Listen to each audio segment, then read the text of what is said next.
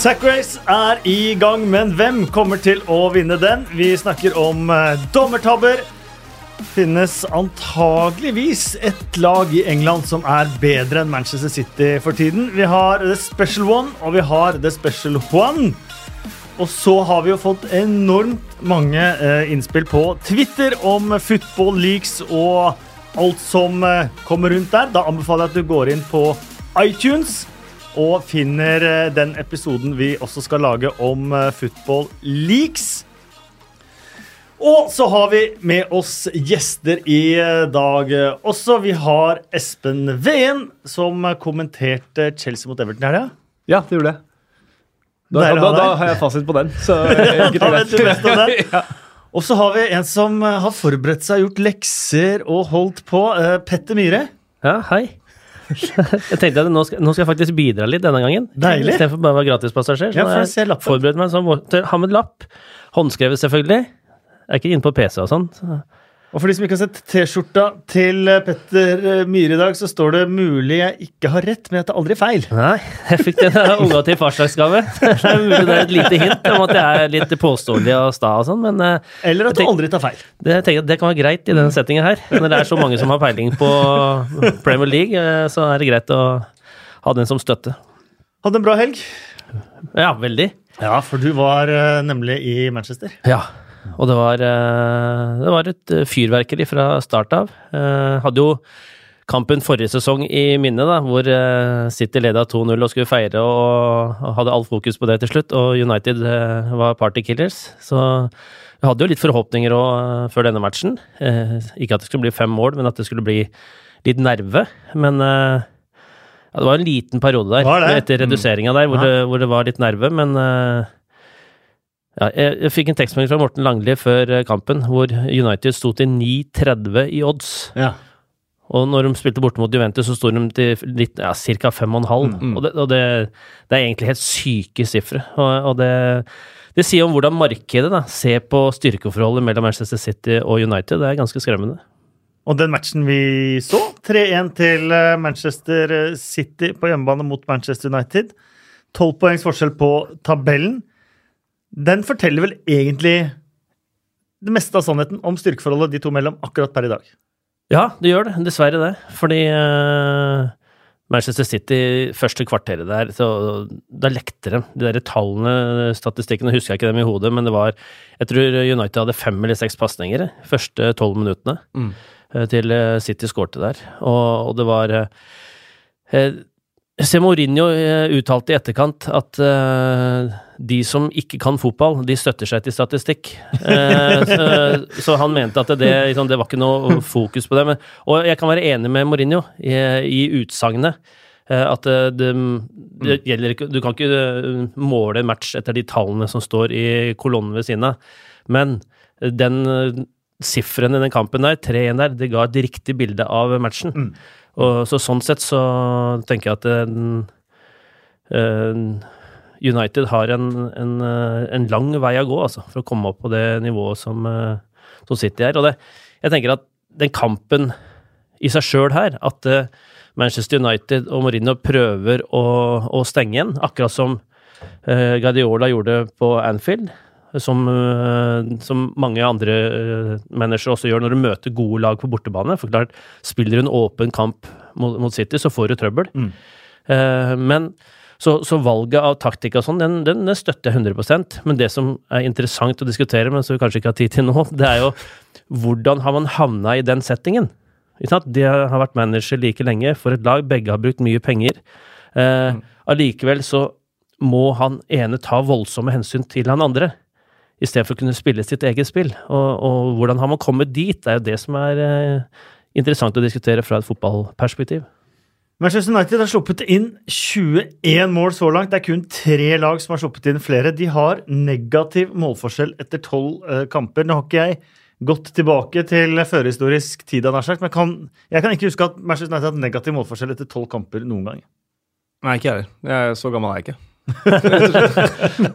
Det er da jeg skal si at det er jeg. Nei, det er ikke det heller. Bare ser sånn ut. Har du gikk på ungdomsskolen på 20-tallet? Ja, ikke sant? nei, nei og, det, og det er jo det som er eh, kanskje det mest skremmende. Eh, for det, når United ansatte Mourinho, så visste de at de får en kontroversiell trener. De visste at de får en trener som bygger laget sitt bakfra. Eh, de får en mann som vinner titler. Eh, alt det der lå jo i potten eh, når de ansatte han. Eh, og jeg så et interessant intervju med Mourinho her eh, i uka som var hvor han sier at vi leiter etter den rette balansen mellom det å angripe og forsvare oss. Eh, og det er jo problemet til Manchester United. Så der er jo Mourinho spot on. For du ser med en gang de latt ting flyte litt vilt, da. Mm. med en gang de skal presse høyt, med en gang de skal være litt mer offensive i tankegangen, så får de kjempetrøbbel defensivt. Eh, og man, jeg tror mange har blitt litt lurt av at ok, den snudde mot Newcastle, men hadde Newcastle fått den straffa de skulle ha i første omgangen der, så hadde kampen vært kjørt. Eh, mot Juventus så, så var de heldige. Eh, som, og, sånn. eh, og når jeg sitter og sett på United, da, så tenker jeg at eh, ja, det må jo gå for det.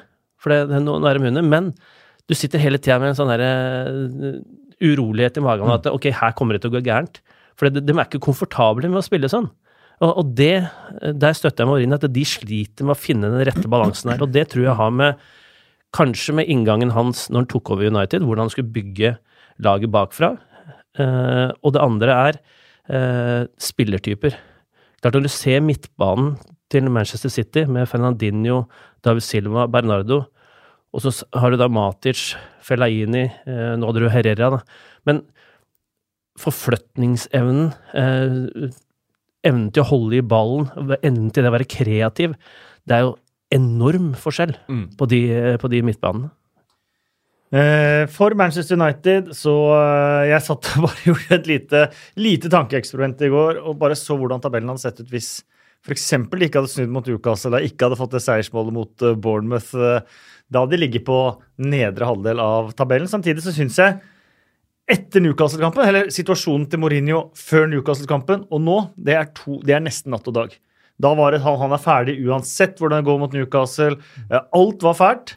Eh, Nå syns jeg jeg ser et lag som fighter sammen, i hvert fall. eh, Ut ifra sine egne forutsetninger. Og så ser jeg litt på programmet de har nå som kampene kommer kjapt. da. De er hjemme mot Palace, de er borte mot Southampton, og så er de hjemme mot Fulham, og de har Cardiff, og de Huddersfield og de Bournemouth. Det kan godt hende at til, til vi tipper nyttår at situasjonen ser langt lysere ut for United. Ja, men Hvis den ikke gjør det, så er det desto verre, da. Eh, tenker jeg. Det, det er, jeg syns den City-kampen jeg synes det var et uh, skritt tilbake ganske på mange måter. Altså. Men det er ingen som kommer til Nei, Etihad nå jeg- jeg med forventning eh, om å slå Manchester City, og det gjelder nesten ingen lag i verden. Nei, men jeg, selv om ikke markedet trodde på det, så tror jeg mange United-supportere trodde litt på det etter de ukene som har vært nå. Ja. Og skuffa over at uh, Vi snakka litt om statistikk og Mourinho der, men hva var det før skåringen, så hadde City hatt 26 pasninger eller noe, og United 5. Altså før 1-0. Mm. 96, vel? 96 var det, ja. 26 er ikke så mye. 96, ja, ja, ikke sant? Jeg, jeg kan jo ikke tall, ikke tall men, men altså Og da, Det sier litt om åpningen på kampen. da, Eh, og, og du må jo selvfølgelig forsvare deg mot eh, City, men jeg Nei, jeg, jeg som eh, Jeg vil tro United-supportere var fryktelig skuffa over det de så av laget sitt. Altså. Men, men, jeg tenker, jeg bare tenker at isolert sett eh, Å tape 1-3 mo- mot City, det er, det er absolutt ikke krise. Nei. Eh, det som eh, Jeg vet ikke om vi skal bruke krise, men det som er eh, bekymringsfullt da, når det kommer til United, er at man nå må hente de halmstrå som du snakker om. Mm. Ja, hvis de vinner de fire-fem Ja. siste, så er de med. Ja, men hva er det med da? Jo, det er de med å kjempe om topp fire. Mm. Og utgangspunktet her er jo at han skal være bedre enn City. Ja. Det er City som er benchmarken, og så må de andre strekke seg til det. Og opp dit så uh, har det vært altfor, altfor langt de siste halvannen sesongene. Nok United. Eh, Vi må snakke litt om eh, Manchester City òg, for eh, For et lag! det er nesten så man føler seg litt uh, privilegert bare å kunne se de spille fotball eh, live. Jeg var på Etiad på onsdag og så de mot uh, Sjaktar Donetsk, og det var eh, At det er to lag som er i samme turnering, var- virka nesten feil. Eh, for det var, det var som å se et eh, Premier League-lag mot et lower league i cupen på hjemmebane. Ja, de er jo eh, outstanding, så enkelt er det jo. Eh, er det mange mål de har nå? Uh, jeg klarer ikke å telle De har, engang. de har tre, tre i snitt i ligaen på tolv Ja. kamper, med 36 mål. Tre i snitt. Og de har nesten ikke sluppet inn heller. Nei, helt uh, ville tall. Uh, så det er vel egentlig bare å nyte så lenge man kan, og se det laget spille fotball, rett og slett.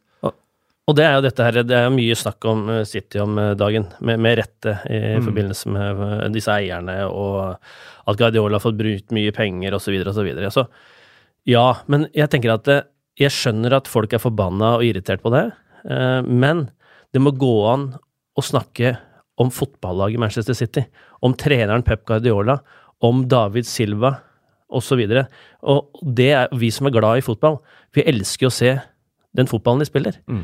Eh, og du trenger ikke å gå mer enn halvannen sesong tilbake til, hvor, det faktisk satt folk i, i alle verdens kroker og snakka om at Guardiola ikke hadde peiling.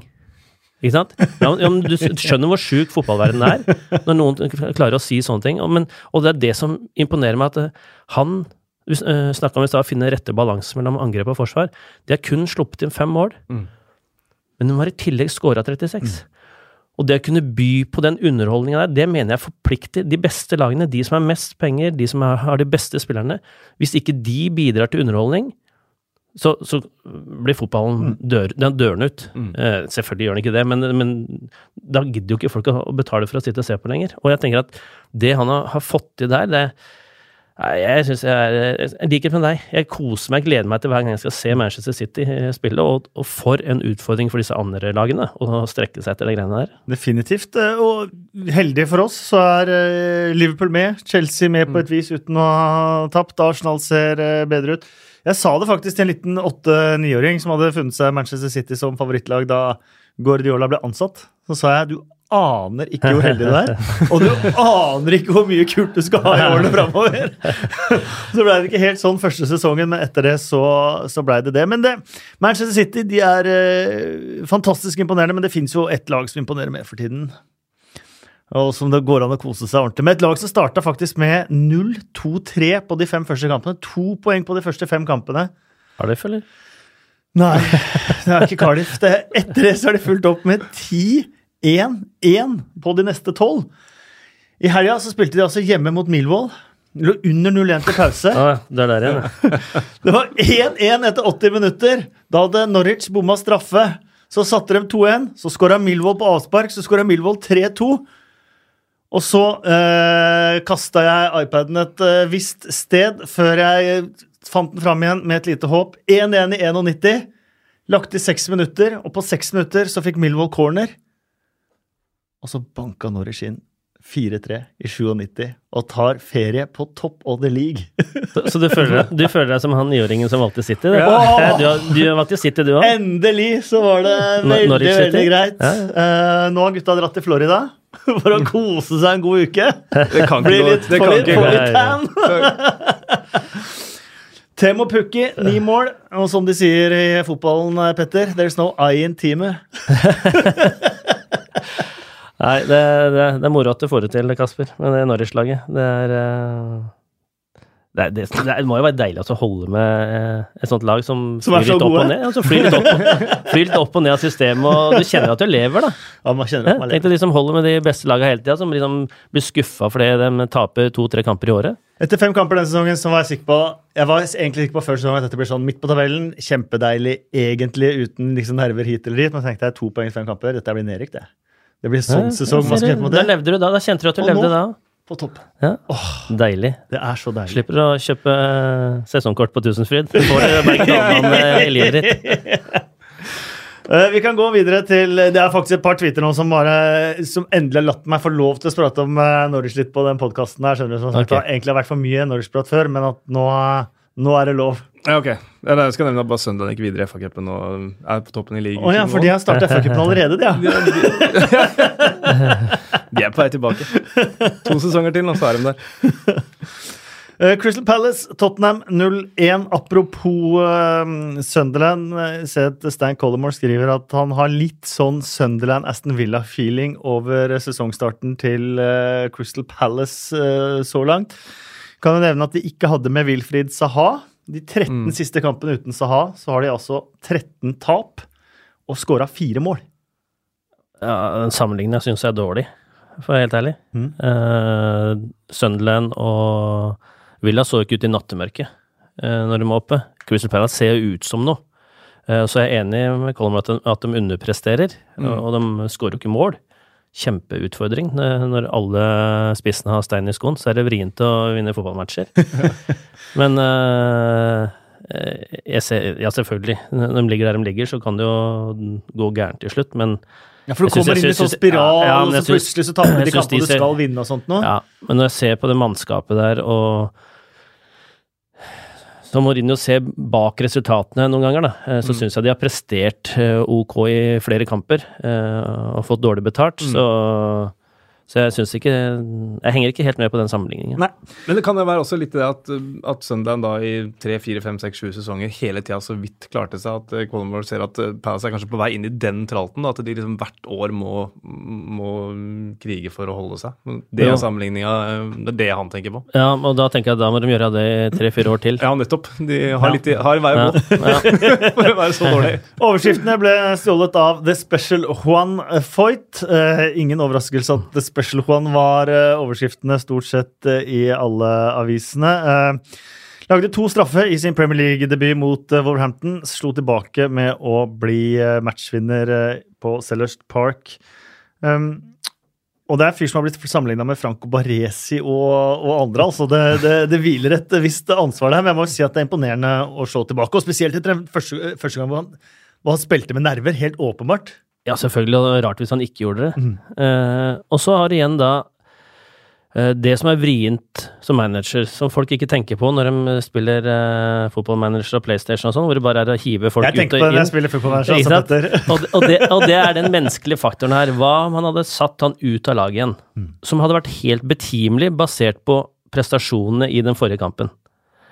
Da kanskje han aldri hadde kommet tilbake igjen. Mm. I hvert fall ikke i Tottenham. Og så velger han å bruke den igjen, og så får han den oppturen her. Dette var en opptur som ingen kunne vite at den skulle få. Sannsynligheten for at han skulle bli matchvinner, den var så liten Mm. at du, du hadde aldri giddet å sette penga dine på det, i hvert fall. Men igjen så er det et grep som han lykkes med, og sånn er managertilværelsen. Du må tenke lengre enn den ene kampen. Du må tenke ok, hva tror jeg kan få ut av han spilleren her på sikt? Kort sikt, lang sikt. Og så, og så må jeg ta noen valg ut ifra det. Og det er vrient. Spesielt med det presset som, eh, som er for å henge med der. Og den Tottenham som da resultatmessig har hatt en strålende start på sesongen, men spillemessig har hangla en del. Så, Og han har vært under press. Alt det maset om nye stadion, eh, gjort det dårlig i Champions League, resultatmessig osv. Så, videre. så jeg syns det derre før vi kommer til blomst, miniblomst da, til eh, Pochettino og, og Foyt 7-0-1 på bortebane denne sesongen. altså Åtte av tolv kamper har blitt spilt borte for eh, Tottenham, og de vinner sju av dem. Det er ganske sykt. Eh, Lamela fikk seg en eh, skade der i hodet på slutten. John Moss lot eh, spillet gå, selv om det åpenbart var en eh, hodeskade. og det Spillerne har litt seg sjøl å skylde med at de ofte ligger nede i sånne situasjoner når de skal holde en eh, ledelse. Vanskelig å tro på de ofte. Jeg gikk litt i fella. Ole André Olsen skriver på Twitter. Eh, angående kaktus, tenkte på den til John Moss, som ikke stoppet spillet da Lamela lå nede blødende fra hodet, eller til Vikstad, som mente han burde komme seg på beina. Eh, Morten Andersen Godt skriver det samme. Ukens kaktus til Vikstad. Da er det bare å reise seg opp og hjelpe lagkompisene selv om man har eh, vondt. Og så mener jeg at jeg sa at det er en hodeskade han burde blåse, men så lenge det ikke blåses, og det er liksom der den kommer inn, da, at da i, i sånne situasjoner så mener jeg at man nesten med brekt bein skal prøve å komme seg opp for å blokke så lenge det ikke blir, blir blåst. Men så så jeg da at når bildet kommer på nærbildet på Lamela, at det var en hodeskade som gjorde at det var greit at han ble Ja. liggende nede, faktisk. Så jeg skal ta den uh, halvveis. Jeg tar en liten kaktus til meg, til meg selv der. Hva syns du om John Stones, da? Det er blomst i han i så fall. Det er blomst i han. Kjempeblomst. Ja, ja, han kom Kjempebukett. satt der, og Og han fikk den i bjellene der, så du kan tenke deg sjøl. Ja, ja, ja. Han brakk seg, det er jeg sikker på, når jeg reiser opp der igjen. Men, Men, der igjen. det er jo greit. Har du hørt om når Patrick Thoresen forteller om da han fikk knust bjellene i playoff eh, i, i NHL? Nei, ikke diskutert Nei, for han fikk, jo, han fikk jo et slagskudd fra en av disse her amerikanske bekkene. Sluttspill NHL. Eh, suss på alt knuste, liksom. Mm. Eh, Rett i, og, og han fortalte at han kom i garderoben, så kom eh, general manager inn i garderoben og egentlig bare så på han med sånn forakt i blikket, at han hadde gått av der uh, Ja. i sluttspillkamper her, og så hadde han sett ned og så sagt ok, da. Men det skal liksom ligge på det nivået der, da. Eh, når, man, når man kjemper for et felles mål, mener jeg. Ja, Eh, Men samtidig så er det, det hadde vært helseskadelig for Lamela å reise seg opp der, så jeg skjønner jo såpass, jeg også. Du må strekke armene i været der. Definitivt, Men, men samtidig jeg tenker når du i sånne situasjoner innenfor 16 så må du ha så vondt at du må ha hjelp. Nettopp! Mm. Det er du, det du jeg må ut av banen. Eh, det, det er det Marcos der Alonso lista må er det pinligste jeg har sett. Um, Sissoko, apropos uh, Pochettino. Få gjort mm. eh, Sissoko til landslagsspiller igjen. Det er Mm. ganske imponerende. Chelsea mot eh, Everton. Ingen skåringer der. 0-0. Du kommenterte kampen. Utrolig interessante bilder å se hvordan de nøytraliserte Jorginho. Ja, Owen Hargreave som var i PR-studio, hadde jo sammen med de andre gutta, men han som leda, en kjempegod analyse på hvordan Richarlison og Gylfi Sigurdsson bytta på og hele tiden ødelig gjøre vanskelig for Jorginho. Og de klarte å irritere han såpass at han burde fått rødt. Når han uh, kleppa ned Sigurdsson der. Uh, kanskje et eksempel til, eller ikke bare kanskje et eksempel til etterfølgelse for andre lag. Hvordan skal man ta ut uh, Jorginho av kampen? Så får vi se om Sarri hadde jo ikke noe plan B nå, denne gangen. Altså. Kjempeseier når han blir bytta ut, da. Ja, kjempeseier. Og, men da, det som overraska meg da, var at han satte inn på Fabriga, som på en måte er litt samme typen. Da. At han ikke da satte inn på Barkley da, uh, for å prøve å endre det. Selv om nå hadde Chelsea de største sjansene, og sånn sett så burde de kanskje vunnet. Men, men uh, Marco Silva det var kjempetaktisk triumf uh, for han, det der. Og et, et Everton-lag som også som tok overgangsmulighetene sine brukbart. og Jeg syns Everton ser bedre og bedre ut. og De kan fort uh, altså Vi snakka om United i stad, men Everton kommer bakfra her også. Det, de kan fort begynne å blande, begynne å blande seg der oppe, de, altså.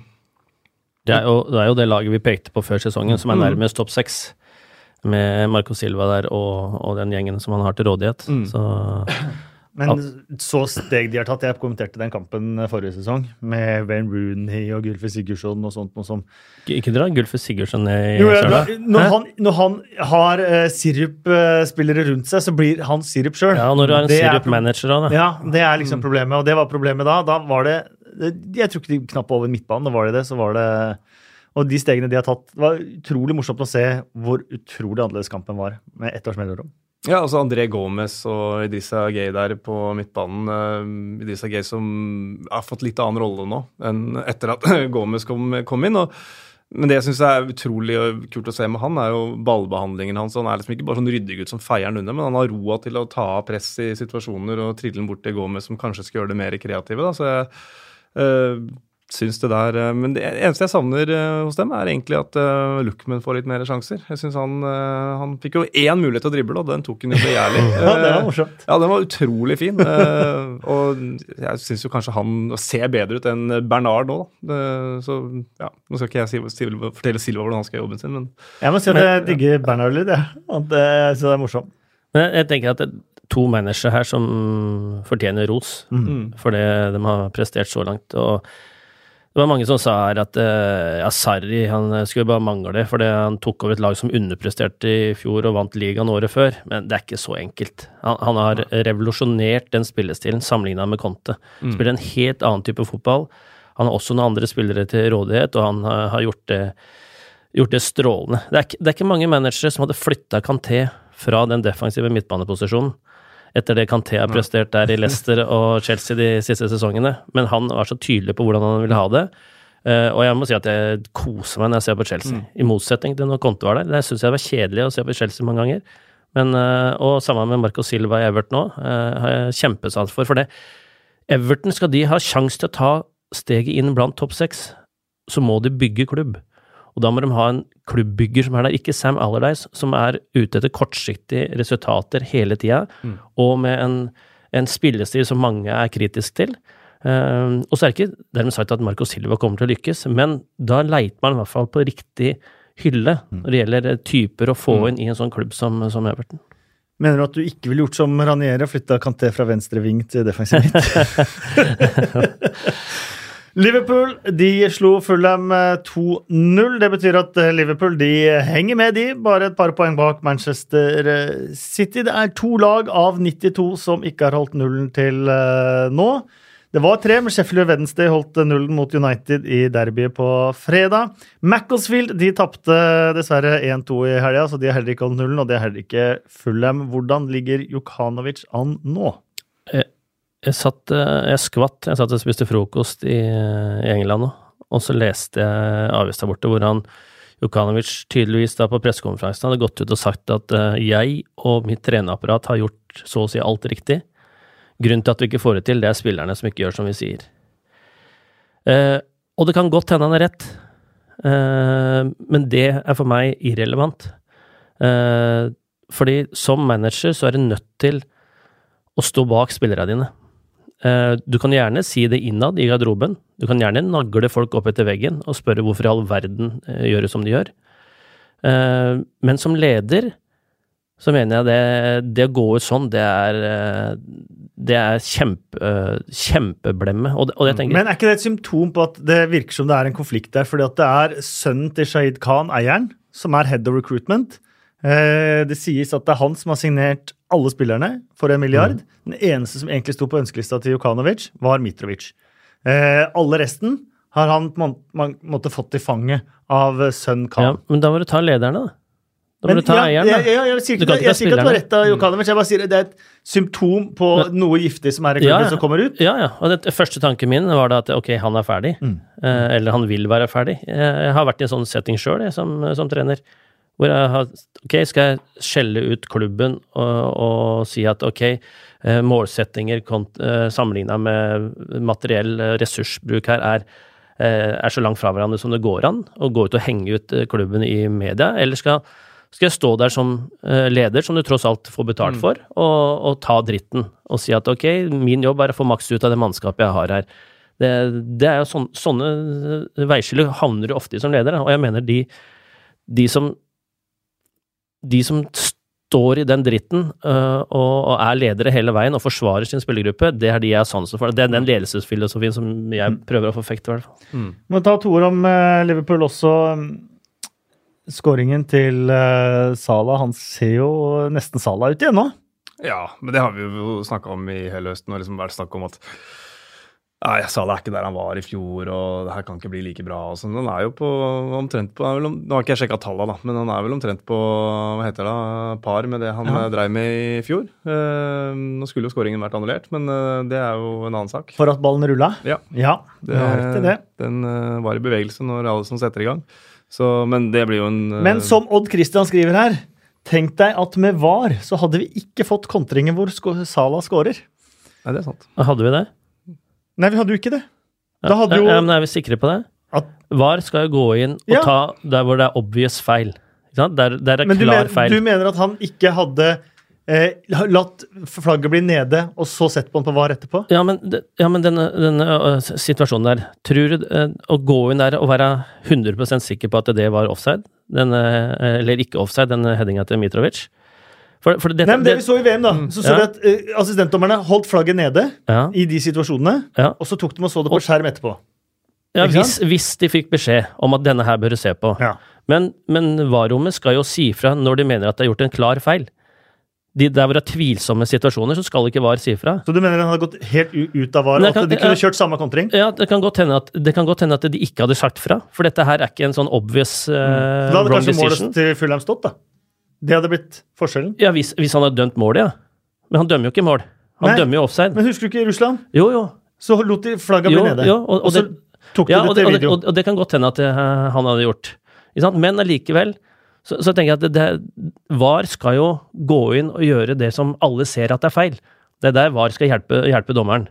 I de, tvil, de, de tolkningssituasjonene vi har hatt, hens for eksempel, som vi diskuterer, da, som ofte er en subjektiv Ja, ja. oppfatning, Mm. så er det jo sjeldnere at det VAR går inn og sier at eh, bla, bla. Noen ganger så går inn og sier at ok, denne her bør du se på. Så du mener for- for- det blir blitt helt likt med VAR? ja, ja, det veit ikke. Nei. Jeg vet ikke, men jeg sier at det, det, er ikke nødvendigvis sånn Nei. at det var hadde gjort den situasjonen noe annerledes. Eh, og det kan, som du sier, det kan også hende at de hadde kommet til at ok, det var ikke det var ikke offside, eller sett etterpå og sagt kanskje godkjent den skåringa. Jeg veit ikke. Men, Ellers har jeg eh, sett etterpå annullert skåringa, men kontringa hadde jo ikke fått gå, da. nei, men er det så obvious at den ballen ruller òg? Nei, nei, men, nei, men jeg bare sier at kontringa hadde ikke fått gå, for det hadde gått et halvt minutt hvor de hadde sett på de Nei, men Ja, før de hadde kunnet kontre. Skjønner du hva jeg mener? De setter i gang kontra Den så fort, det så fort at det er mulig de hadde fått fullføre Ja. angrepet før VAR hadde rekke å For Mm. VAR skal jo rekke å se på de bildene. Ikke sant? Og si til dommeren at ok, du bør se på denne situasjonen på nytt. Men da sier dommeren «Tut, tut, tut, tut, Jeg skal se på noe. Jo, jo, men det, det tar jo litt tid. De bildene skal rulle igjen. Ok, ja, ja, Det tar det tar ca. ti sekunder. Ja, ja. Og det er- det ni sekunder å skåre det målet. Nei, men det, Nei, men jeg, jeg, jeg, absolutt. Jeg det er interessant, for jeg, jeg har sittet i studio 100 ganger, og vi har sittet og diskutert så fillene fyker om er det straffe, er det ikke straffe, var det offside var- Det ikke er umulig, umulig å se om den er offside eller ikke. Ja, de bildene jeg har ikke sant? Jeg Helt òg. Og, da, liksom, da, og da tenker jeg at eh, VAR har kommet uh, VAR kommer. for ja, ja, det, og, og, det kommer for å bli. og, og det, og det i de, veldig mange tilfeller så er det en positiv greie og en god hjelp for, for dommerne, men, men det er ikke sånn at det løser alt. Nei, nei. Ikke sant? Vi, vi får masse tvilstilfeller fortsatt, og tolkningssituasjoner. Arsenal de møtte Wolverhampton eh, hjemme. Wolverhampton hadde vanvittig mange sjanser, men det hadde faktisk Arsenal eh, og Bernt Leno veldig god. Endte 1-1. Nuno Espirito Santo mente at det var et veldig godt poeng. Conor Cody, kaptein, han var eh, desto mer misfornøyd. Ja, og det syns jeg viser ambisjonene til Conor Cody. Sier, ikke at det ikke viser ambisjonene til uh, Spirito Santo, men han var altså på forhånd jeg har vært fornøyd med et poeng her, og vi får ta med oss et poeng fra Emirates. Det, det må vi være fornøyd med. Og så er det kanskje om å være litt falsk ydmykhet, eller hva det er for noe. For jeg tror han, den som så den kampen, så vel at uh, Wolverhampton hadde veldig veldig store muligheter til å, til å vinne. Um, og ja, det er eh, jeg sier, Wolverhampton fortsetter å imponere, selv om de ikke nødvendigvis har tatt så mange poeng. Så har de vel uavgjort borte på Trafford og Emirates og uavgjort hjemme hos City. Så de klarer å tukte de store lagene. Viking Wolves uh, tvitrer mye bra i podkasten, men klaginga til Vikstad på Raúl Jiménez må ta slutt. Uh, Wolverhampton under Espirito Santo spiller ikke en fotball der spissen skårer så mange mål. Av de 25 mestskårene i Premier League er det kun Stirling som har like mange assist 5 som Jiménez. Burde tas med regnestykket. Ja, det burde det, uh, men samtidig så er det greit å ha en spiss som setter sjansene man får. Syns du det? Åssen kom du frem til det, Kasper? Det er bare, bare noe noe du har jeg tenkte helt selv. Jeg får si meg enig der, da. Det lønner seg. Men fikk, var det han, Hadde han også mange av sjansene på Emirates? da? Nei, nå var det ikke Jeg har ikke uttalt meg om Nei, nei, Raúl. Jiménez i forbindelse nei, Nei, med kampen, annet enn at han hadde en fantastisk pasning over på bakere der som eh, Diego Shota burde satt. Ja, og satte jo opp skåringen som var nevnt Ja, her. Og de andre, andre som treffer tverrligger og Ja, ja. og Traoré der. Og så det, Absolutt. ja, ja. Absolutt, Men at han skårer for få, få mål Men, Topp seks-spiss, men jeg tenker at det, er, jo- det, er, det må jo være deilig som Wolves-supporter å kunne nyte nyte den oppturen de har Mm. hatt nå, og, og måten de spiller på. Og tenker gå bort på Emirates kan sitte og være litt skuffa. Eh, og ja, De som Mm. velger det, om å få med seg ett poeng, det sier jo ambisjonsnivået og, og hvor langt Mm. de har kommet. Og, og så er det interessant med, med Arsenal og Emery der òg. Det er eh, Arsenal-fansen, i hvert fall bakmeldinger på sosiale medier, er jo liksom Det er jo himmelen ene dagen, og liksom uh, vi får pepper for at vi mener at ok, kommer de topp fire, så er det en bra prestasjon. Får noe tilbakemelding hvorfor kan de ikke vinne ligaen, de er like gode som alle andre. Uh, og så går de på uh, sånn som uavgjort her, og uavgjort mot um, Liverpool Ja, men det var før det, ja. eh, Eh, mot, Palace? eh, Palace Nei, ja. ja. 2-2. Ikke sant? Og så, så klart, dette her vil variere fortsatt. Emry er henta inn for å vinne titler med Arsenal. Hvis ikke så hadde de ikke fjerna Wenger. Men det kommer til å ta tid, ikke sant? Og man kan ikke forvente selv om de nå, sammen med Chelsea, det må vi ikke glemme, har en fordel med at de ikke er i Champions League, kan stille B-lag i Europaligaen der, og vente til det drar seg til der, før de på en måte guffer på der. Og det, er en, det har vi sett er en kjempefordel. Så sånn sett så, så er det morsomme ting som skjer i Arsenal. Merker livet er litt mer i vater, i alle fall, med at Arsenal er gode, at ikke bare alt er dritt på, Altså, her er på Emirates. Det er deilig, tribunen ja, og. Det er utrolig deilig, og det, det er sånn det skal, Og det var, skal og det var største eh, ankepunktet mot Wenger. Det var derfor jeg sa for to år siden at mm. han må dessverre gå.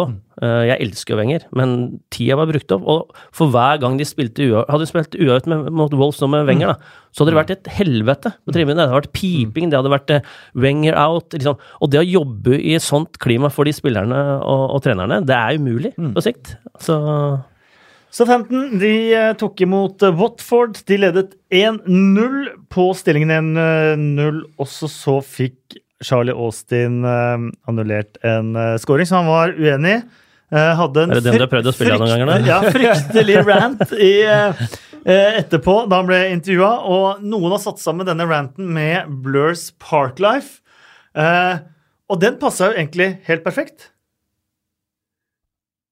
It says offside hit my didn't, and it tries to hit me. Bob Douglas right done Foster. The best league in the world, the most watched league in the world. Now give them all the help they need because clearly it cost us two points today. It's a joke. Well, that's a bad miss. We worked hard, come here to get three points. We deserve three points today. We let down by the officials. That's why we didn't get three points.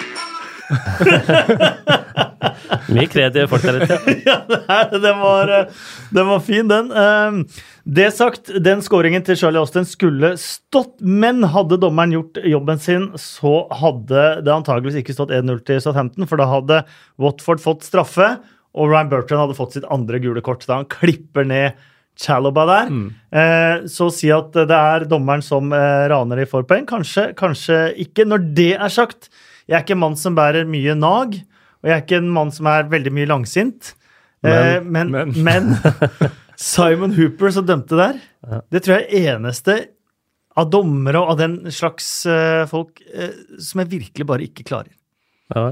Og det henger igjen fra en serieåpning for noen sesonger siden. Hvor jeg bare, Hadde ikke noe med Norwich å eller? Jo, det hadde alt ah, med det å det var. Men, men den slags folk? Hva, hva, hva, mener du med det? Dommer og den slags folk? Den slags folk- dømmer mot Norwich? Stort sett alltid hyggelige folk. Men Simon Hooper mener jeg bare han er ikke på det nivået han skal, eh, skal være for å dømme en Premier League-match. Ja, Og det viste han på- er på nivå til Norwich, da. Hæ? Ja, Nei, han var ikke der heller. Han var ikke der heller. Han var ikke der heller. Nei, men, men, men eh, annen ting, da. Eh, Southampton uh, underpresterer igjen. Én hjemmeseier på 17 siste kamper hjemme. De har altså én hjemmeseier siden 26. november forrige sesong. Det er første gang klubbhistorien de ikke vinner noen av sine seks første hjemmekamper. Eh, For Mark Hughes sin del så ble Les Reed, altså visechairman i Southampton-styret, han ble sparka denne uka her. Og han var Mark Hughes mannen i styret. Ja. Det lover ikke bra. Det er derfor Zack Race Det står vel mellom Jokanovic og Mark Hughes her nå. Ja, og jeg, jeg har uh, bomma på Mark Hughes før, jeg. Uh, fordi når han ble ansatt i Stoke, så himla jeg med øya og tenkte at eh, hva skal han gjøre der? Eh, et, med det mannskapet som, som Pulis har. Uh, har uh, skaffa til veie, og, der bomma jeg. I begynnelsen her så, så gjorde han det mye bedre enn jeg hadde forventa. jeg, jeg, jeg blir ikke helt klok på Mark Hughes som manager. Jeg prøver noen ganger altså Se på lagoppstillingen hans, se på inngangen til kampen, eller prøver å tenke ut kampplanen. Nå veit jo ikke den 100 siden jeg ikke har sittet i rommet der, men, men hvordan han på en måte ja, Om han prøver å presse høyt, eller om han legger seg lavere, eller eh, type spillere han setter sammen, sånn, så, så, så blir jeg ikke helt klok på han. Altså. Jeg, jeg har til gode å liksom tenke at wow, han, han ville jeg ansatt i, i min klubb. Men jeg, jeg kjenner han ikke som type. Brede mener jo at han eh, har noe å, å, å fare med. Men er ikke det, det er også ut fra hvordan jeg har forstått Brede, kanskje, da? At, eh, at han ikke har spesielt mye fokus ellers, altfor mye peiling på det defensive. Mm. Så han kommer til et veldig solid defensivt mannskap Mm. som, Som Stoke, Stoke var. så kan han utvikle det offensive, og så Ja. blir summen bra. Eh, men når Ja, han for kommer til Southampton, så, så er på en måte det grunnfundamentet helt annerledes, da. Ja, for de, de heiv jo ballen i mål i fjor, Stoke. Ja, Det var ekstremt det. mye baklengsmål, så Men nei, det blir spennende. Og sam- Watford òg. Jeg var jo av de som tippa de i nedrykkskampen. Uh, jeg tenker at ok Jeg hadde dem jeg under streken, ja, faktisk. Ja. Ja. Uh, Jeg sto mellom de og Brighton uh, der, så, så der kan jeg jo strekke armene hver og si at jeg har bomma. Og det er imponerende, det, det de får til, altså. Og én ting er at de hadde en kjempeflyt i starten her, og møtte uh, såra motstandere uh, stort sett hele tida etter VM og sånn, og de de hadde jo på en måte laget sitt intakt og, og kunne gå og, og all in fra, fra starten av. Og så fikk de en korreksjon med at de fikk en periode der hvor det gikk dårligere, men så har de reist seg igjen. Og det er det som er på en måte, det kjennetegner at det er en ryggrad i et lag. da. De er ikke avhengig av den flyten hele veien for å vinne fotballkamper. De kan også jobbe seg tilbake igjen, så ja. Vi var eh, innom eh, Charlie Austin der, eh, Espen, og intervjuet. Deilig å se spillere som bare kaster maska. Ja, og så altså, er det befriende fritt for sånn dritt, da. Det er bare, det er bare frustrasjon. altså, det er ikke noe sånn derre Han sier bare ok, de trenger hjelp. Han sier ikke bare sier, Det er ikke som en æreskjelling av dommeren, men bare de trenger hjelp, liksom. Vi, de trenger hjelp til å hjelpe oss. Ja, det, han skriver på Twitter etterpå også at ja, det er ikke det intervjuer er for, da. Å være ærlig. Og det er så Men det irriterer meg bitte litt, for jeg var på Swansea Southampton forrige sesong da Southampton redda plassen. Og Charlie Austin han løp og hoppa rundt i gangen i spillertunnelen der etter matchen og slo i vegger, og han var altså så gira eh, sånn. Så jeg tenker, jeg ber om han på intervjuet, for da får jeg noen ekte scener. Og så kom han inn, bare boff, så han maska på. Yeah. Yeah, was great? Yeah, yeah, yeah, yeah. Ja. Liksom bare, åh. Han lærte av det, vet du. Han lærte av, han tenkte Ja, at bare- intervjuet med norsk TV i fjor, det var ikke bra nok. Og så kan han slippe maska nå, liksom. Han var sint. Han kunne slippe maska da han var blid òg. Ja ja, men det gjør han neste gang. Men, men du er uenig med oss til nå, at eh, dommerne trenger hjelp? Hæ? Nei. Jeg, har- du er motstander av VAR, Kasper. Uh, I utgangspunktet så er jeg det, men jeg skjønner jo også at det kommer at jeg må forholde meg til en ny virkelighet, jeg også. Ja, men du er fortsatt uenig at det bør komme? Ja, det er en helt det er, det er så lang, den diskusjonen, eh, Petter. Jeg prøvde å diskutere litt med Mina i går. Uh, Etter tre kvarter så måtte hun dra fra jobben fordi at hun hadde noen møter og noe greier. Da er det for mange argumenter. Uh, ja, men, men man har jo Jeg kan Ja. forstå argumentene for VAR. Også, men så må altså motstand, nei, folk som er tilhengere VAR også forstå argumentene på andre sida. Ja, ja, sånn som når jeg ser tvitring sånn Og alle de som vil beholde sjarmen i fotballen, er det det? Det er et stråmannsargument. for at jeg, jo, jeg er ikke imot for at jeg vil beholde sjarmen i fotball. Det har veldig lite med det å gjøre, men det er mange andre faktorer der som man må innse at blir forandra med VAR. Men å diskutere på Twitter, Kasper det har det vært der lenge nok til at det kan vi ikke. For, for der er det bare ytterpunktene som dras fram. Ja, Det er aldri mellom, mellomting. 160 tegn, da blir man ofte at man må bruke utropstegn òg. Uh, Cardiff mot uh, Brighton. 2-1 Cardiff i eh, dytten. Stygg uh, takling fra Dale Stevens førte til eh, gult uh, Nei, rødt kort. Men eh, det morsomste var for det første du får vel ikke mer typisk vinnermål fra Cardiff enn det Cardiff uh, scora. Én i stolpen, redda på streken. Offside var det, og så klarer man til slutt å dunke den inn. Og Ja, Bamba fikk så vidt av seg trøya der. Men apropos dunken inn, da, det er jo, hvis du slår opp dunken inn i ordboka eller billedboka, så er det et bilde av den skåringen til Bamba. For et treff han får, liksom! Det er så deilig, den skåringa der. Uh, og nydelig når han kaster trøya og ikke får gult. Han får ikke gult. Ikke han, det er ikke nydelig at han ikke får gult, men intervjuet etterpå. Ja, han, det, er- jeg, eh, jeg har det faktisk her, Ja, for det er, det er helt nydelig. fordi at eh, Han forteller nå at han ikke fikk eh, gult, og at, men at dommeren hadde spurt om han faktisk hadde tatt av seg trøya. A winning goal in the Premier League can get better. Did he book you? I think you might have got away with one. Exactly, I know, I know. Don't, don't tell anyone. I think uh, at, at the end of the game, he said to me, like, did you take the shot off? And I said, no, I didn't. So he didn't book me, so we just leave it like that. I know. Keep it for yourself. Keep it for yourself. Men du er på samme bane som fikk så mye diskusjoner eh, sist da DeMarie Gray fikk det gule for å, å, å ta drakta. Tilfeldighetene ville ha det, ha det slik med sjarmerende mann. Eh, Det betyr at Cardiff det er, de er i dytten. Huddersfield fikk seg nok en scoring på hjemmebane. Spilte 1-1 mot Westham. Newcastle i dytten nå vant eh, sin andre kamp 2-1 mot eh, Bournemouth. Noe som vil si noe om de eh, Et, et, ja, det var dette her med Jeg kikka på de sju nederste lagene i år har tatt 54 poeng totalt. På samme tid i fjor så hadde de tatt 70. Eh, og, det, og det er et godt bilde på at eh, avstanden, eh, som vi har eh, nevnt i flere sesonger, kommer til å bli større og større. Eh, og så er det mange det er interessant da, for folk eh, Noen eh, da sier at eh, ja, men de engelske klubbene har jo så mye penger. Så liksom, hvorfor skal avstanden bli større? For det er Huddersfield og Westham og Newcastle liksom? De, de, de får mye penger av TV-potten, de òg, sammenligna med mange andre Nei, land. da. Alle lag Men- i Premier League til Ja. hver tid er blant Europas 40 rikeste. Ja.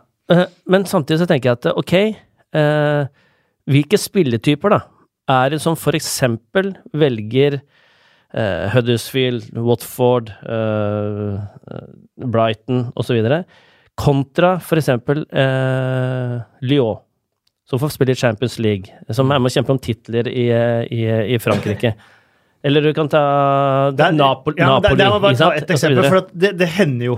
Jean-Michel Seri syns jeg er et eh, perfekt eksempel. Har vært linka til Barcelona. Ja, Åpenbart en klassespiller. ja. Eh, har sikkert blitt frista av to ting. Premier League mm. og masse penger.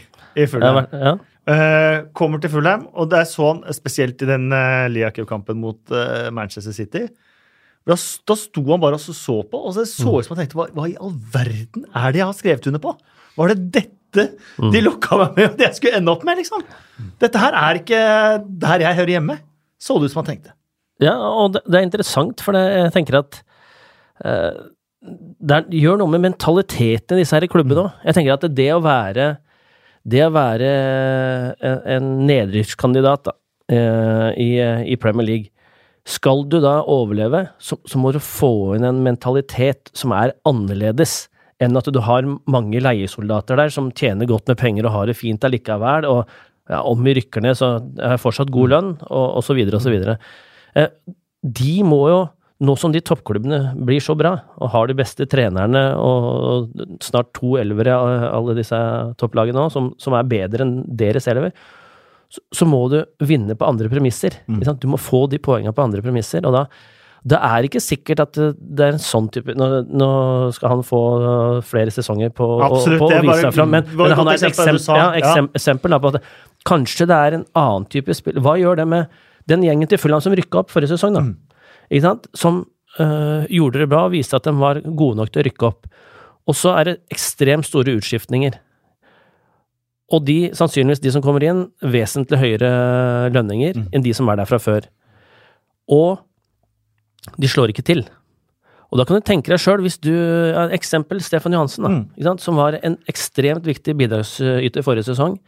Så nå må sitte og se på alle jeg kaller det leiesoldater, eller de, alle de nye, da. Ja. Nye som har bedre betalt, som ikke leverer bedre, som han kanskje jeg sier, Dette er bare spekulasjon, men jeg veit ofte hvordan det blir. At de rokker om på miljøet i en garderobe, i prestasjonsmiljøet. Ikke sant? Det er ikke alle som passer inn der. Noen av dem føler at de er for gode, som de sier, til å være der. Eh, og det gjør noe med mentaliteten i de klubbene, som gjør at det er vanskeligere å berge plassen, tror jeg. da. Så mm, det er, Ja, det er litt uh, Bare for å understreke det med. Stefan Johansen nå, De gikk altså 23 kamper uten å tape forrige sesong. Mm. En kjemperekke. Det var to spillere som spilte alle de kampene. Det var, eh, Og det Stefan Johansen var en av de to. Mm. Uh, utrolig viktig for dem. Vi, skulle innom eh, så vidt på alle dommertabbene og sånn. Vi tok det litt uh, tidligere, men jeg kan uh, si at VAR diskuteres i Premier League på torsdag. Ok. Eh, minst 14 av 20 klubber må stemme for. Mm. Eh, men eh, det er på vei. Eh, Tipper Southampton stemmer for, jeg. de sender, de sender Charlie Austin. For det var, det var mange Bamba offside. eh, Straffen til eh, sånn David Brooks ikke fikk. Rødt på Jorginho, rødt muligens på Alonso. Mm. Liverpool Fulham, ballen rulla offside, ikke offside. Burton, felling Archeloba, Austin. Det var, det var mye i helga. Ja, og, og jeg, Det det. jeg er Eh, eh, til, tilhenger av VAR, ja, altså, men på de rette situasjonene. Mm. Det må ikke sånn at eh, man skal henvende seg sånn som det var før VM. Med, I FA-cupen og sånn, det var jo bare, det var komikveld. Og, det, Ja, liksom, det, og derfor har jeg vært litt sånn tilbakeholden og sagt at det, når man først skal innføre det, så må, må det fungere 100% Ja, men, det Eh, også blir gjøres feil med VAR, og det skjedde i Italia i, Ja. i helga. Eh, og, og sånn vil det være. vi går på blomster og kaktuser. Det var moro å se på. Morata var kjempegod. Hva i all verden? Det er lov å si mye det provoserer meg. Han snakka ikke om seg sjæl, han snakka om dommeren. Og nå ser jeg to stykker som finner fram papirer og legger Kanskje blir, helt, litt ja, ja, kanskje det blir flere blomster og kaktuser i dag? um, vi begynner med blomster, da. Eh, skal vi ta noen forslag på, på Twitter også? Kanskje nei, det kan bare gå, gå rett på å gi eh, deres blomst. Uh, jeg har flere kandidater, men uh, Ta den beste, da, vet du. Ja, jeg, det syns jeg er like gode, egentlig. Vi har vært innom Austin og Bamba. Jeg syns begge de to egentlig er eh, blomsterkandidater på intervjuene sine. Men jeg syns også Bernt Leno, som sto i en kjempematch for Arsenal, kunne fått en kvast. Eller øh, Jeg vet at vi diskuterer her litt, øh, Kasper. Newcastle-fansen som øh, snur i sin, øh, sitt sinne mot Adam Smith når han blir skada der. Først så ler de litt. Jeg vet ikke om du har sett situasjonen hvor han øh, håper man får en kneskade eller noe. Så er det først sånn piping, spredt, og så skjønner de at her er det alvorlig skade, så da blir det sånn lett summing, og så blir han applaudert av banen. Det syns jeg var fint. Selv om de leder kampen, og det er lett å være medgivende da. Ja. Jeg er også litt der at jeg ønsker å gi blomsten til en klubb, klubb, ja. Klubb og en supportergruppe og et, på en måte et, en samfunn. Eh, Leicester Mm. Eh, det var sterkt å se den markeringa, eh, og det de har vært igjennom det siste. Og, og, og er på meg et bilde på hvorfor jeg er så glad i fotball. Mm. Det er samholdet. eh, Det å vite at ok, vi kan slenge dritt til hverandre, og vi sparker hverandre ned, og vi kan argumentere for og imot, og synes han er en idiot for han holder med den klubben, og hun er sånn fordi hun holder med den, osv. Men i bunn og grunn, grunnen til at vi har blitt glad i dette her, er jo på grunn av samholdet. Vi har et fellesskap som bare bare se på samfunnet generelt nå, som er ekstremt viktig. Fotballen er kanskje den viktigste integreringsarenaen ved siden av skolen. Kanskje viktigere enn skolen òg. Hvor, hvor, hvor folk kan komme og, og føle et fellesskap. Du trenger ikke beherske språket engang. Du kan spille fotball. Du, du kommer, kommer deg inn i miljøet. Tenk deg måten å lære språk på i en sånn setting. Eh, føle, seg, eh, føle seg hjemme og ha noe betydningsfullt å gå til. Mange sliter på, på skolen, men å ha en mestringsarena Mm. er ekstremt viktig som menneske. Da. Hvis du skal, hvis du skal eh, føle at dette her er verdt å, holde seg innenfor lover og regler, og at det, at det er ålreit å leve. Så, så jeg syns eh, min blomst går til Leicester. Jeg er helt uh, enig. det. Jeg er ateist, men uh, allikevel, uh, når du så, så uh, hva som skjedde i Leicester, både da regnværet kom, regnbuen som bare Mm. plutselig kom over King Power Stadium, det er nesten som man begynner å, å lure der. og og når du snakker om det fellesskapet og samholdet og familien, og hva han Kun Vishai har betydd for lokalsamfunnet og for klubb og, og, og alt mulig, når du ser alle managerne han har sparka, Mm. Sitte på rad og rekke Mm. eh, for å gi han en, en siste hyllest. Shakespeare satt der, Mm. Pearson satt der, Ranieri satt der. Alle sammen. Og både fans, spillere og Kasper Schmeichel, kanskje Mm. som fremste eksponenten. Og han åpenbart har opplevd et personlig tap. Mm. Og måten han har stått fram på. Alle sammen var også i Thailand Mm. før denne kampen her, Ja. i begravelse. Og, og det er det med dette med at det, toppidretten er brutal på mange måter. Eh, som du nevner, det er managersparking osv. Eh, og det er et jag etter prestasjon og resultater som er uutholdelig for mange. Vi ser flere og flere utøvere som står fram nå og sier at 'jeg takler ikke dette her'. Eh, Det er mye vanskeligere enn det folk som ligger i sofaen og ser på, tror det er. Mm. Eh, men jeg tenker at som leder da, så må du ta mye tøffe valg. En, en fotballtrener han skal skuffe eh, 15 spillere hver, eneste, hver eneste dag. Eller hver eneste kamp. Mm. Det blir som å eh, jobbe på en eh, oljeplattform. Da. Så har du 20 ansatte der ute. Så sier jeg at ok, 11 av dere skal få være med inn til, til land. Da skal vi være en hel helg. Eller 18 av dere skal få være med. Men kun 11 av dere får lov til å gå ut på byen og spise middag og sånn. 7 av dere må sitte og se på at de andre uh, har det gøy. Mm. Og dere to siste, dere må faktisk være igjen her på, på, på oljeplattformen. Og den skal du gjøre hver gang. Og så klart, måten du oppfører deg på når du hele tida må ta sånne typer valg, det er jo avgjørende på om du har respekt eller ikke. Det går faktisk an å være en leder og ta alle de tøffe valgene, og samtidig bli verdsatt. Og det er jo dette her et godt eksempel på. Ranieri, eh, Shakespeare og disse her er- var jo fly forbanna på han. Helt uenig i dette her òg, selvfølgelig. Eh, men de respekterer han, for de veit at han har en del vanskelige valg å ta, og han har gjort det på en menneskelig måte, medmenneskelig måte, som er avgjørende. Blomster til hele, hele Lester. Um, rundens eh, øyeblikk. For meg så er det når Gundogan setter inn 3-1 etter 44 pasninger. Det syns ikke det, det, altså det er, For meg så er det øyeblikket. Og det medtaket der. Ja, alt med Men det ikke helt Ja. dødt innafor femmeteren der. Mm. Ja, det var, jeg kan øh, støtte meg det. Kan jeg komme med en, øh, et innspill akkurat til den? Ja, du var der! Ja, men det var, det var øh, litt sånn som jeg har mer med, med noe fotballfaglig å gjøre. Da. Eh, Jeg satt etter kampen så sa jeg til Alsaker at ok, for meg, man of the match, Fernandinho. Uh, og så leste jeg på, på sosiale medier at det, det var sånn avstemning i studio, hvor studio hadde pukka ut hele midtbanen til City. Da. Og alle de tre var jo kandidater til å bli man of the match. Kanongode, alle tre. Eh, og så får da, jeg tror det var eh, 44% på David Silva, 44% på Bernardo og 12 på Fernandinho. Ja. Ikke sant?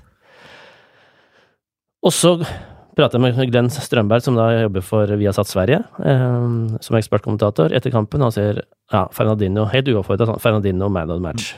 Og så kommer jeg hjem på hotellrommet, og så ser jeg på Match of the Day. Så sitter Shearer og han Genius er vel i Ja. studio og sier man of the match, Fernandinho. Og det vi er fram til, at det er interessant, eh, det er at eh, hva er det som er synlig, og hva er det vi ser etter når eh, vi er der som tilskuere og supportere? Og hva er det vi ser etter hvis man sitter med trenerøyne eller eh, fotballøyne, da, ikke sant? litt analyserende.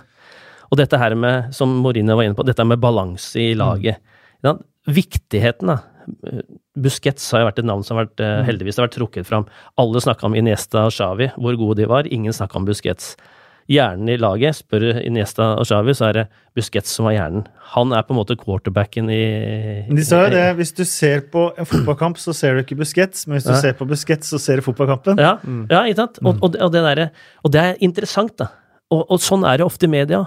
De som blir hausa fram i media òg, det er jo David Silva, Bernardo og dem. Det er det folk ser. Det er det, det, er det som er enkelt å få øye på, de som er der. Men øh, når du da skal komponere et lag som skal fungere sammen, da, så, så, så, må du, så må du ha forskjellige typer, spillertyper. Og Fernandinho der for meg er, øh, er genial i den rollen, og har vært i hele perioden i City. Definitivt. definitivt. Eh, rundens ukjente helt. Det så nesten ut som det ble Fernandinho for deg, her, eh, Petter. Jeg syns Christian Sjøstrøm har et veldig godt, eh, godt forslag her. Eh, Fabian Skjær som knakk nesa i kampen, eh, men spilte videre. Ja, det er jo et eh, godt forslag. Jeg syns det var godt Jeg godt synes, forslag. eh, jeg venta litt på han. Syns han har alltid vært god de gangene jeg har sett han for Sveits. Jeg har ikke sett han så mye for Basel og Deportivo og sånn, men for Sveits syns jeg alltid har vært god. Jeg har en ukjent helt til, jeg. Ja. Han har sikkert stjålet noen overskrifter, men ikke så store nok. Callum Patterson.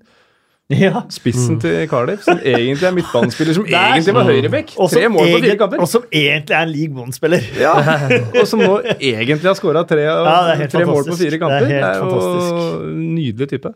Og skal, og skal jeg spille inn eh, ambulansepersonellet på, på Etiad, som satt i fotballsko. Svarte Gjorde det? fotballsko. Ja, det er det, er. Det er nydelig, da. Da er jeg klar for match.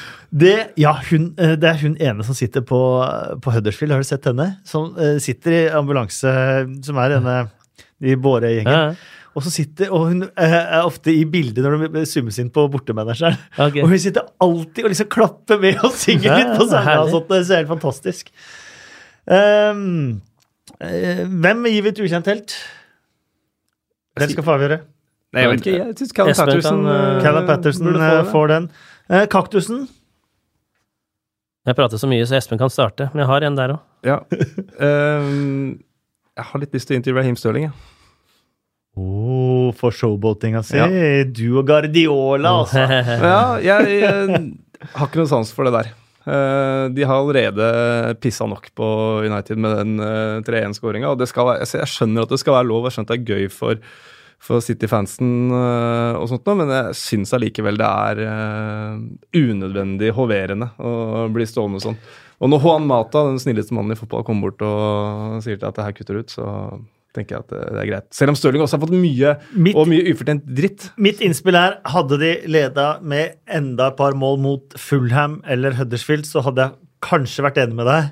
I et byderby mot Manchester United, eh, Nei, hvor det greit, skal fires litt, så syns jeg det er så langt innafor at det blir Nei, ikke lenger innafor, faktisk. Jeg syns ikke det. Jeg er uenig. Jeg, jeg syns det, eh, det er ufint. Rett Du skal gi fansen din for det første smil på munnen, og så skal du gi dem et enda bredere smil når du går, og det er måten å gjøre det på. Det syns jeg er helt greit. Uh, innspillet mitt på kaktus går også på tilbake til eier igjen. Uh, når vi akkurat snakka og hylla en eier som har skjønt hva dette er for noe. Men jeg er så drittlei eiere som skal uh, hvitvaske ryktet sitt gjennom å eie fotballklubber. Eh, jeg mener det forsurer miljøet mellom supportere og spillere. Eh, det blir mye mer fiendtlig eh, klima. Eh, det er sånn eh, Jeg så intervju med Angelotti, eh, hvor han fikk spørsmål om Mourinho når Mourinho hadde gått ut til Juventus-fansen og, og, og ja, ba dem eh, på en måte Hvem er det som vant til slutt? Han gestikulerte litt der. Og så sier jo Mourinho også etter, etter kampen at eh, hadde jeg vært helt kald i hodet, så hadde jeg, ja, skulle jeg ikke gjort det. Og Ancelotti sier også det, men, men som Ancelotti har helt rett i, problemet her var ikke det Mourinho gjorde. problemet her er at han under samfulle 90 minutter får slengt dritt etter seg. Mm. Om familien sin, om seg sjøl, alt mulig. Det har blitt en sånn derre aksept at det, på tribunen så har du lov til å gjøre Ja, men jeg har kjøpt billett, jeg, så da kan jeg gjøre hva Mm. jeg vil. Ja vel, hva er det for tull, da? Ja, og, og de mener at det, støtt laget ditt, og så er det sånn pipe nå på, på noen spillere sånn, det, det lever alle godt med. Og er det en som oppfører seg dårlig, så, så ta han og synge en morsom sang eller kommentar og sånn. Det, det, det er bare herlig. Men jeg, jeg føler at gjennom sosiale medier, eh, på kamper, så er det mye mer sånn anspent stemning. Det, det er, eh, du ser spillere som scorer, som flyr og liksom eh, hysjer til publikum, er sinte. liksom Sånn derre sintefeiring istedenfor å juble sammen med lagkameratene sine. Det er liksom, det er hele tida sånn vi mot dere-greier. Og jeg mener at mye av grunnen til det er alle de pengene som kommer inn i fotballen. Jeg er sikker på at Vi kunne tatt bort en null. eh, Alle på, alle, på alle overgangssummer, Mm, på alle lønninger og alt, og alle hadde Ja. syntes det vært mye bedre. Eh, selvfølgelig er de glad for de som, som tjener penger og sånn, men, men du hadde fått et annet klima, da. Og det er det som provoserer meg med eh, de pengene som har kommet inn, at de, de er med og ødelegger det som vi alle har blitt så glad i. For alle de managerne der, alle de spillerne der, det er folk som har begynt med fotball for de syns det er ekstremt gøy å spille fotball. Og Hadde de du er sagt til dem sosiale at man har fått lov til å spille for 50 000, så hadde de gjort det så å si gratis. Så så, de selvfølgelig hadde det. Ja, ja, ja. Disse hadde jo spilt fotball. Og som sagt du kan tjene to millioner i året på å spille fotball foran 60 000 Selvfølgelig de mennesker. det. Når som helst de har drept for å gjort det. Ja, det er bare- det er som er, se på- irriterer meg så ekstremt. Jeg er helt enig med deg. Så for meg så er det det greiene der eh, Ja. eh, Vi kjører på den. Ja. Klima, dessuten. Eh, Erik Cantona tok ansvar i sin tid. Han tok igjen. ja, ikke sant. Luke Shaw holdt seg på matta når han ikke fikk ballen av han City-fanen der. Så han Eh, kunne fort ja. fått en ny en der. Definitivt. Eh, vi kjører en kjapp Bill Edgar før vi avslutter med et par Twitter-tilbakemeldinger. Arsenals syv siste. Aldri skjedd! Første gang siden er den sjette spilleren. Fun factsene til Bill Edgar. Arsenal de har nå gått eh, tolv ligakamper uten å lede til pause i noen av dem. For første gang siden november 75 til februar 76. Vet dere hva annet som skjedde i november 75? Du ble født? Ja! Sarri sin åpning ubeseiret på sine tolv første ligakamper i ny klubb. Og hvis dere trodde at det var dagligdags, så er det helt feil. Han er faktisk på delt fjerdeplass i engelsk fotball gjennom tidene i den øverste divisjonen med den. Billy Walker gjorde det samme i 1933 med Sheffield Wednesday. Tom Whittaker hadde 17 på rad i sine 17 første ligakamper eh, i 1947 med Arsenal. John Nicholson 22 i 1899 til 1900 med Sheffield United. Og så hadde selvfølgelig den aller aller første sesongen i 1888, da Preston gikk ubeseira gjennom hele sesongen. Så William Sudell han hadde de kampene der, pluss et par i neste sesong fra 1888 med, med Preston. For åtte uker siden da lå Brentford 14 plasser over Norwich på tabellen. Nå ligger Norwich 14 plasser foran Brentford. Mye skal skje på åtte uker. Ja, Ikke sant? Eh, Burnley de har nå gått 55 strake Premier League-kamper uten å bli tildelt straffespark. Såpass, ja. Såpass. Vi kjører et par Twitter-tilbakemeldinger, avslutter med fem kjappe spørsmål. Bjørn Rudsagen mener at høstens podder har vært litt tamme, men digga rantene til Langli og Vikstad, så fortsett i de baner. Du må bli enda sintere, Petter, og det må Jeg du blir ha, kalt, jeg blir kalt Sinte-Petter når jeg trener, men eh, jeg prøver å være litt roligere i studio. Helge Grunevag, dårlig med forrige podkast var at dere brukte altfor kort tid på Everton. Skjerpings. Ellers meget bra podkast. Ja, det hender noen ganger. Det er noen klubber som Noen ganger så faller det litt gjennom. Manchester City er jo også Det har jeg fått tilbakemelding flere ganger at de prater for lite, men det har ofte vært liksom Hva skal man si om Manchester City, annet enn at de er fantastiske, og så stopper det der. Litt, Det, som, det det er, er at vi, vi tar opp det som vi føler er dagsaktuelt etter en uh, omgang, og da er det noen, noen 0-0-kamper det er mindre å si om, men eh, håper eh, Helge fikk litt Watford i Nei, Watford, Everton i dag. Fikk litt Watford, da. Vivek Sharma, hva tenker dere om å gi Samir Nasri en ny sjanse i Westham? Kan han eh, bidra med noe? 95 000 pund i uka for øvrig er vel nevnt. Jeg har vært skeptisk til det oldemannslauget eh, som Westham har drevet og signert eh, flere ganger. Det høres ut som en Westham-signering, dessverre. Mm. Men eh, det hadde ikke gjort meg noe om det ikke ble noe.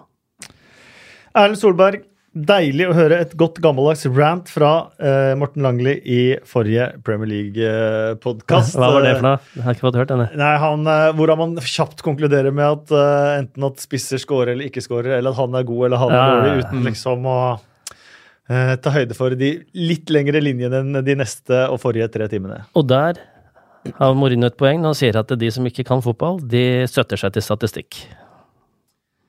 Eh, nei, jeg skal ikke jeg...